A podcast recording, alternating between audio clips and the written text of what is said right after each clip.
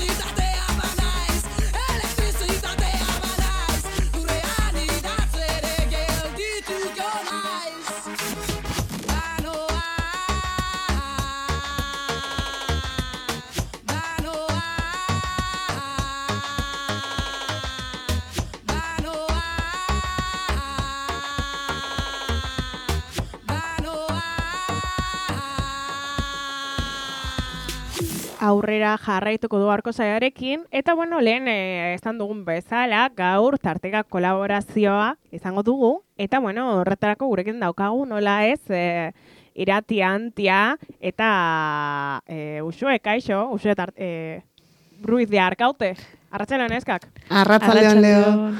Bueno, gaur eh, nik uste proiektu nahiko, nahiko interesante batekin etorri zaretela, ez?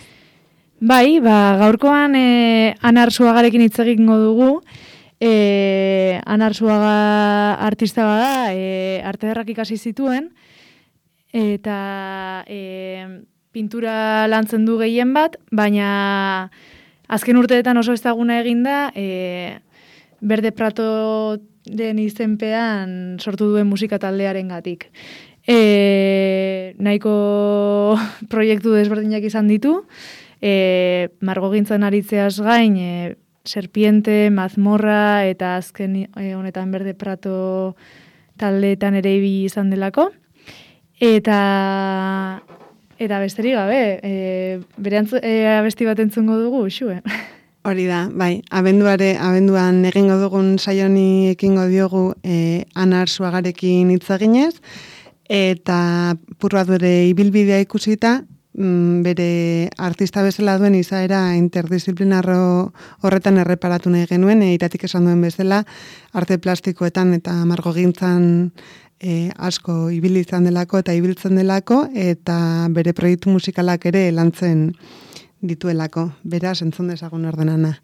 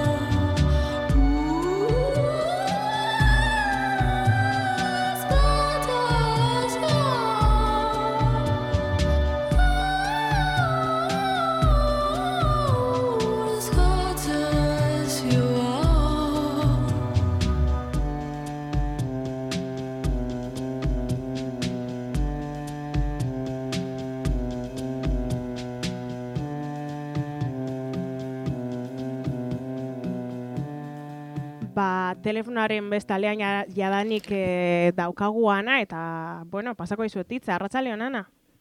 Kaixo, atxaldeon. Arrazaldeon ana. Atxaldeon.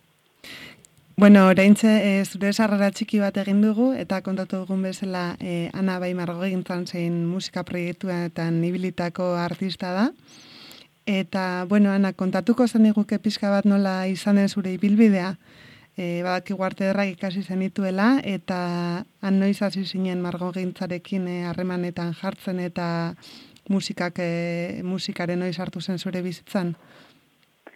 Bai, ba, bueno, esan bezala, esan dezun bezala bentsa bertan, noixe, e, arte derrak hasi nintzen ikasten Bilbon, mitolosako naiz berez, eta, bueno, Bilboa jo nintzen ja bizitzea, ez? Eta han lagun batzukin itun, eta danak musikarik zian.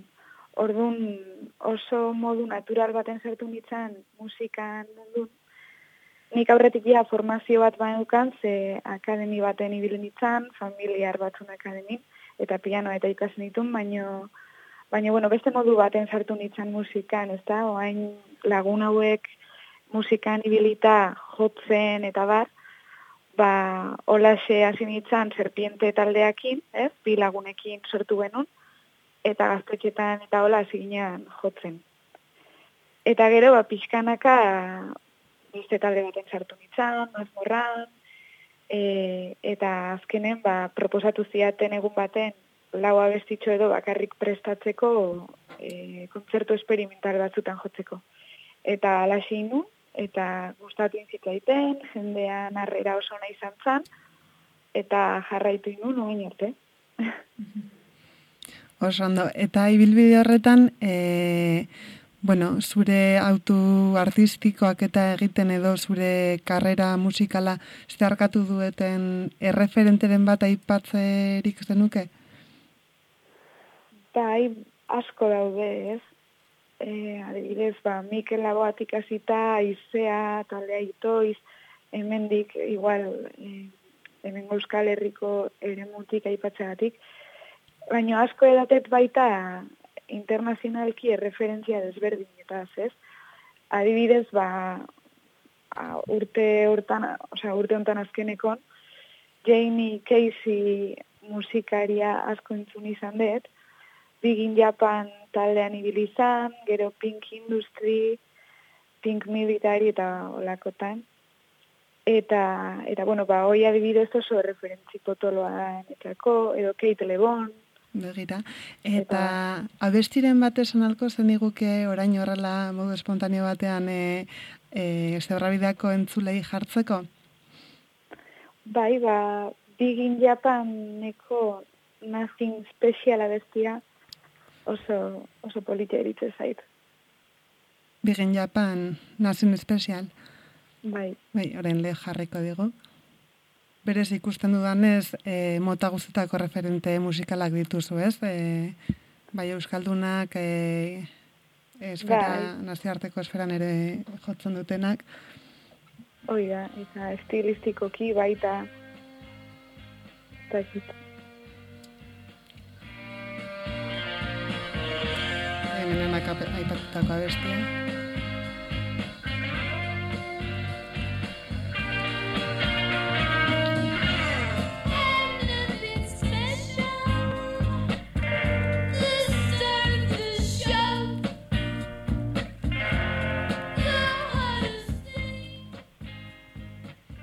E, ba, oso abesti, osea, ikusten da hor ere, ba, zure e, abesteko moduan ere, e, ba, referente honek badaukala pixka tantza eta eta eskerrik asko konpartitzeagatik.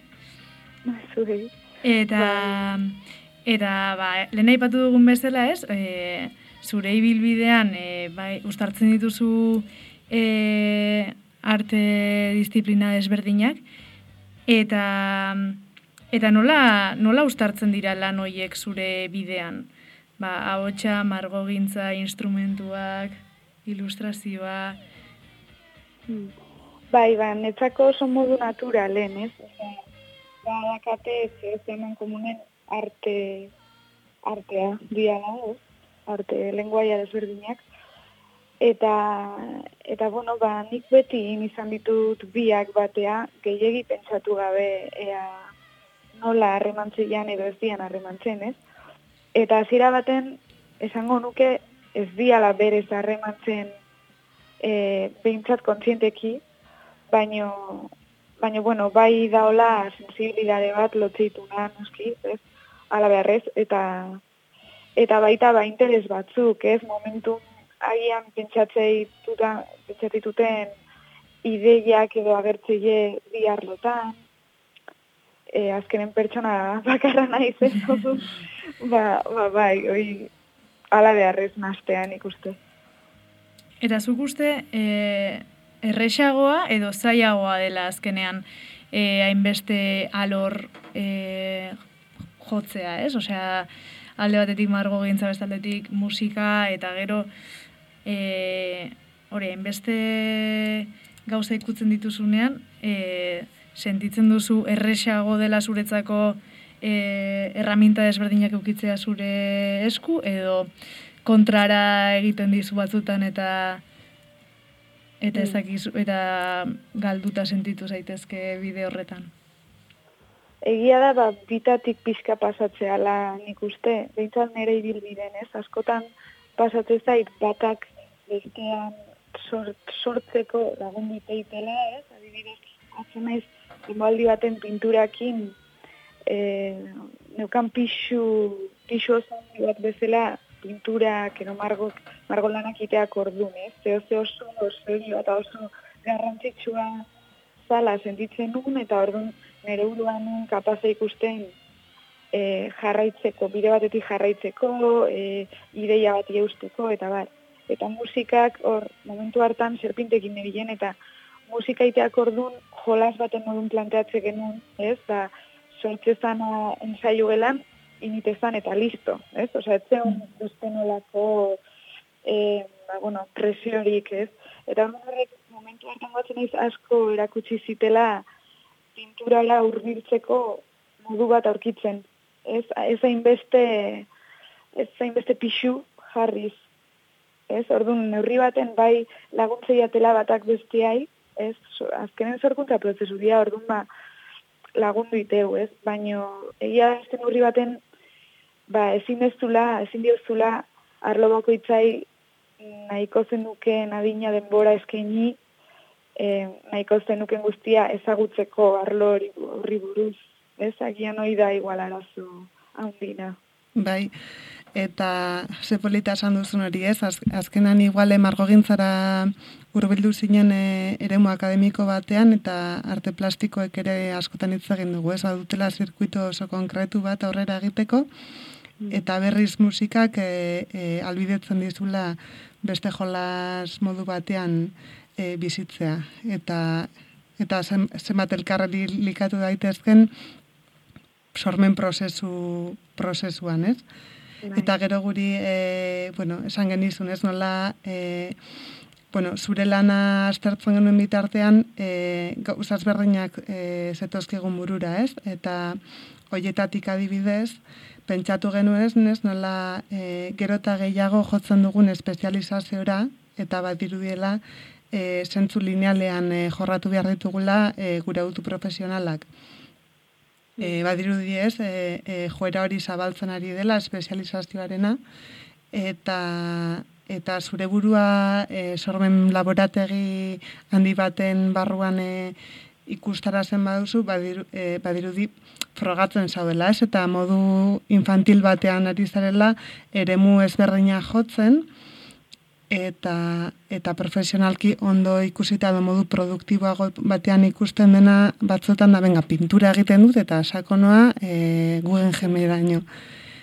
Eta eta askotan ze polita den horrekin apurtzea eta eta esperimentazio bat bezala bizitzea zure sormen prozesu bat, ez? Bai, bai, guztiz. Eta iratik ere bazuen galdera bat.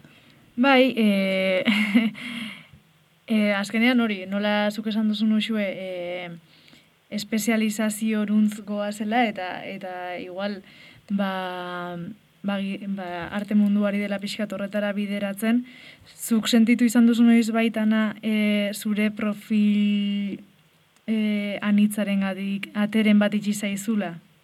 Ba, igual ez modu argi baten, ez, edo konkretu egi baten, baino, baina, bueno, hori denba guztien sentitzetik igual nire bizitzan, ez? Osea, esan nahi ez, ez bakarrik bi arlo hauek batea bizitzagatik, baizik eta lana, lan normalago batekin e, os, osatzeagatik baita, ez? Azkenen dirua noski ba beste ogi bide batetik bilatu behar izate du artistu normalen, ez? Eta mm, ordun bai hori sentitzetela igual bizitza mota honekin, ez? Ezin dezula zure denbora guztia gauza horri eskaini eta eta beraz ba ba, bai aukerak edo gal, galdu iteituzula sentitu zure ez dakit noaino dan erreala. Denboa eskaintze jozunen ba, ba tope eskaintze jozu eta eta ezin naiz jatu ni ez da, ze azkenen jotzen nahi naiz, eta, eta gustoa nahi naiz nire proiektu egiten, baina, bueno, ez, beti sentsazio horrekin bizi izatet, egia zen. Bai, nik uste dute, bai, jende guztiak eh, sentitzen duen zeo zer dela, eta eta ondo dagoela ikustea nola horrekin apurtu dutenak ere aurrera doazen ez, eta zuk ere kontzertu pilo bat dituzu, oso harrera polita ari zara izaten esan duzun bezala. Bai. Eta gu orain hemen geunden apur bat eh, begiratzen eh, Wikipedian, ze jartzen zuen espezializazion hitza sartzen bazenuen. Eta hemen jartzen duenaren arabera, especialización es un proceso por el que un individuo, colectivo o institución se centra en una actividad concreta. Mhm. Y lo opuesto a la especialización son las actividades o conocimientos generalistas. Ez beti badago e, e, gutxiespen bat, e, espezializazioa ez denarena. Eta berriz gu kontrara ez nola ikusi dezakegun, ba, bueno, azkenean osotasunaren perspektiba bat edo, edo perspektiba holistikoago bat edo, e, ematen dizun e, jakintza batek nola egingo duen zure, zure kontrara, ez? Eta hori- horritu ginen honen ari nola, la Marla Rodríguezek bazuen abesti bat e, e, horrelako e, esaldi e, kale esaldi bat esaten zuena oso, oso ospetsua dena espainaldean saber e, aprendí de todo maestro de nada eta nola e, lantzan jartzen duen e, e, hori ikasitako eta eraikitutako kultura hori. Eta orain deo jarriko digu.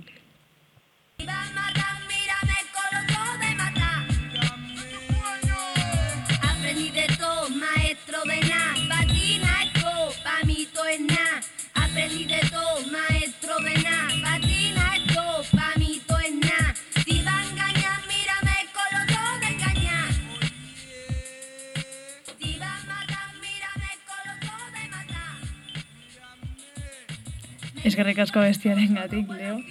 Eta, eta bueno, hori garen honetan hitz egiten e, pixkat interdisciplinaritatea eta multidisciplinaritatea, ez? Osea, ba, lo- arte alor desberdina jo, e, jokatzen dituzun ezuk ere. E, ba, ba, genuen galdera bat horrela nahiko kuriosoa eta zaila aldi berean zuretzako imaginatzen dut. E, zen, ba, ea zuk zure burua nola, nola kokatzen duzun, ez? E, artista multidisciplinar bezala, edo interdisciplinar bezala ulertuta, bueno, edo guk behintzat eh, horrela ulertu genuen aurrekoan, ba, muldiz, multidisciplinarra izatea, ba, e, azkenean dela pertsona bat e, alor desberdinak e, modu paraleloan lantzen dituena, eta inder, interdisciplinarra aldiz, da, e, artista bat, ba, e, ba, alor desberdinak lantzen dituenak, eta gero hoien arteko e, elkarrizketak eta gurutzaketak e, lortzen dituenak. Ba, bueno, badakigu galdera pixkat komplexua izan daitekela, baina zuk nola kokatuko zenuke zure burua horretan? Ba, ez dakit posible dan, baina bietan. Normalen, igual nire helburua multidisciplinarra izan arren, e, nolabait bai bukatzula interdisciplinarra izaten, ez?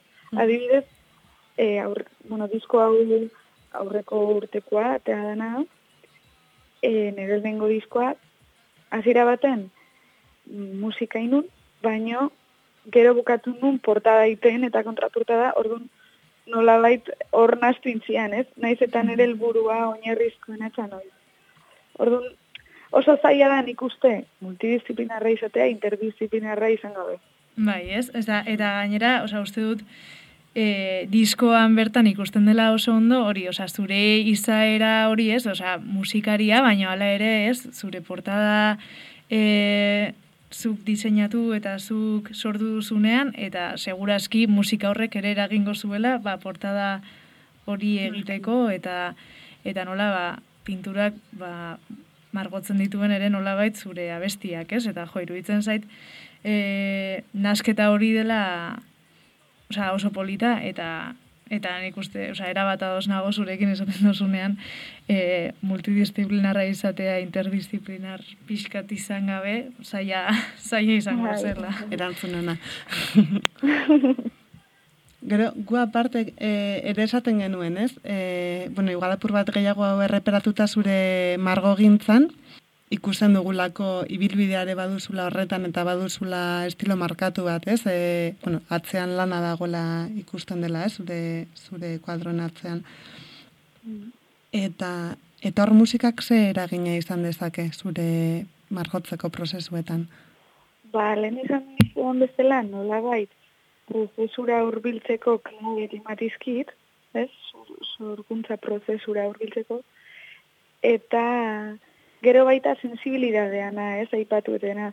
Hau da oso gauza komplexua bakoitzak e, aztertzeko. Zazkenen, e, nik alde nolabait saiatu e, perspektiba batekin nire lane hurbiltzen eta teorizatzen edo klabe batzuk somatzen, baino gezur, gezur bat da, baita neurri baten, ze ni hor hor barrun nago, ez?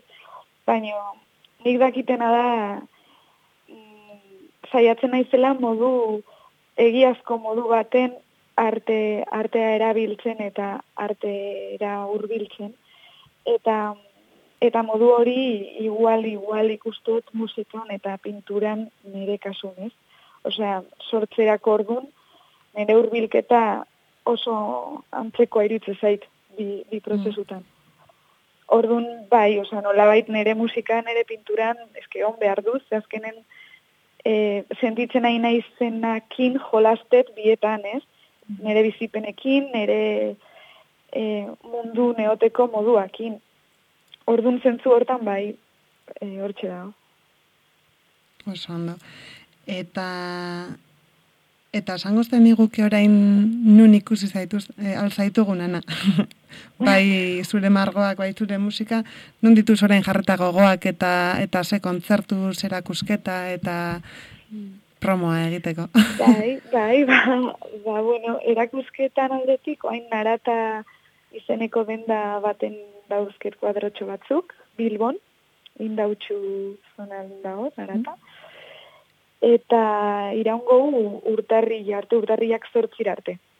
Eta bestalde, ba, musikan aldetik, oain justo urrengo diskoa naiz grabatzen, así que ea noiz ateatzean, ze gauza hauek oso luzek izatea, baina, bai, nik uste datorren urteako udaberriako edo hortxe hongo ala diskoa. Eta kontzertuketa, ba, hoi Instagramen jartze ditut, oain goz badaude batzuk, baino konfirmatu gabe, eta gero ja udaberrin eta ja jaialdi batzuk ez, udaberrin primavera zaunen erongo naiz, eta eta gero udan bebeka laizen Bilbon. Eta gainontzeko koixe Instagramen eta jartze ditut. Jo, ba, ba gordeta data hauek, e, udaberriari begira musikalki eta eta momentuz Bilboko dendatxo horretan daukasun erakusketan eta eta seguro zure Instagramean e, begiratuta aurkituko ditugula sorpresa gehiago.